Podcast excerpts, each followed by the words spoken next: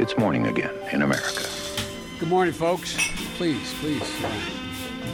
Come on, let's go. Let's go get some coffee. Thank you very much. Det er fredag 9. mars, og morgenkaffen fra amerikanskpoliti.no er servert. I natt norsk tid sto Sør-Koreas nasjonale sikkerhetsrådgiver foran pressen i mørket utenfor Det hvite hus. Han hadde store nyheter, nemlig at Nord-Koreas Kim Jong-un har sagt at han ønsker å møte president Donald Trump, og at president Donald Trump hadde akseptert denne invitasjonen, og at de to skal møtes innen mai. Kim Jong-un skal ha sagt at han ønsker å avslutte, eh, i hvert fall være åpen for det, det nordkoreanske atomvåpenprogrammet. Og at han ikke skal ha noen prøvesprengninger eh, fram til de har dette møtet. Vi skal her høre deler av uttalelsene utenfor eh, Det hvite hus i går. Uh, good evening. I told President, President Trump that in our meeting, North Korean Kim Jong un said he is committed to denuclearization. Kim pledged that North Korea will refrain from any further nuclear or missile tests. He understands that the routine joint military exercises between the Republic of Korea and the United States must continue. And he expressed his eagerness to meet President Trump as soon as possible. President Trump appreciated the briefing and said he would meet Kim Jong un by May to achieve permanent denuclearization.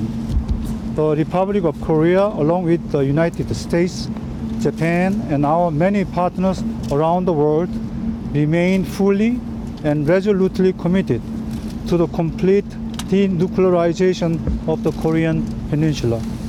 Along with President Trump, we are optimistic about continuing a diplomatic process Det er med andre ord snakk om en historisk utvikling i denne saken, og Det hvite hus kom kort tid etter dette med en uttalelse om at Trump har akseptert invitasjonen til å møte Kim Jong-un. Det står at eh, verken tid eller sted enda er avklart, og at fram til den tid så kommer alle sanksjoner eh, og press til å fortsette å være på Nord-Korea, og at Det hvite hus ser fram til at eh, atomvåpenprogrammet til Nord-Korea blir historie. Tidligere på kvelden så, så det ut som det var en annen sak eh, som skulle være hovedsaken, nemlig at Donald Trump i går innførte økt tollsats på stål- og aluminiumsimport, men at han da samtidig lover å være fleksibel i forhandlingene. Eh, Trump avholdt da en pressekonferanse der han signerte en eh, proklamasjon som øker tollsatser på import av stål og aluminium. Ifølge Trump så vil tollsatsene igangsettes om 15 dager, eh, med da 25% tollavgift på import av stål og 10 på import av aluminium. Men han sier at de skal være fleksible, og det finnes unntak her, foreløpig for Mexico og Canada. At de da skal være fritatt fra disse avgiftene, i hvert fall en periode og at døren er åpen for at flere land kan forhandle seg frem til andre avtaler. Tidligere denne uken ble det kjent at europeiske land vil innføre sine egne importavgifter på enkelte amerikanske produkter, dersom dette skulle bli en eh, realitet. blant Bl.a. da på Harley Davidson-motorsykler eh, og på bourbon og whisky. Produkter som da ikke tilfeldig blir produsert i hjemstater til bl.a. Paul Ryan fra Wisconsin og Mitch McConnell fra Kentucky.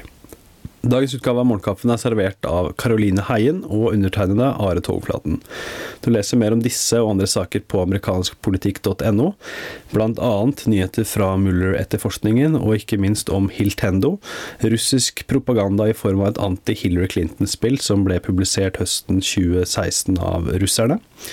Du finner Morgenkaffen i Spotify, iTunes og andre podkastapper sammen med Ampullkast. Og for at vi skal gjøre den podkasten er så relevant og god som mulig, så trenger vi litt feedback.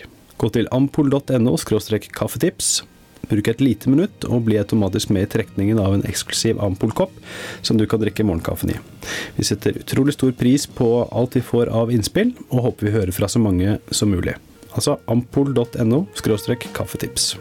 God helg, og så snakkes vi på mandag.